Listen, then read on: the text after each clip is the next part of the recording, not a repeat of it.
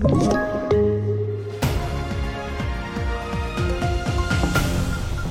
TV4-nyheterna börjar med att samtidigt som USA och Storbritannien fortsätter tala om en diplomatisk lösning på Ukraina-konflikten så fortsätter vapenskramlet. I natt så kom uppgifter om att Ryssland ytterligare förstärker sin närvaro vid gränsen och oron stiger bland invånarna i Ukraina. Efter ett telefonsamtal mellan Storbritanniens Boris Johnson och USAs president Joe Biden tror de båda världsledarna fortfarande att en diplomatisk lösning är möjlig. Och försöken fortsätter. Efter gårdagens besök i Ukraina reser idag Tysklands förbundskansler Olof Schultz vidare för ett möte med Putin i Moskva. Och reporter här var Annie Wernersson. Det upptrappade dödliga våldet senaste året gör att ambulanspersonal i Linköping nu ska utbildas i självförsvar. Det rapporterar SR.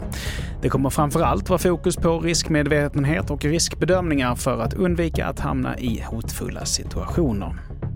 Och till sist lite OS. Halv åtta så drar herrarnas skidskyttestafett igång och det är upp till bevis om man kan försvara guldet från 2018.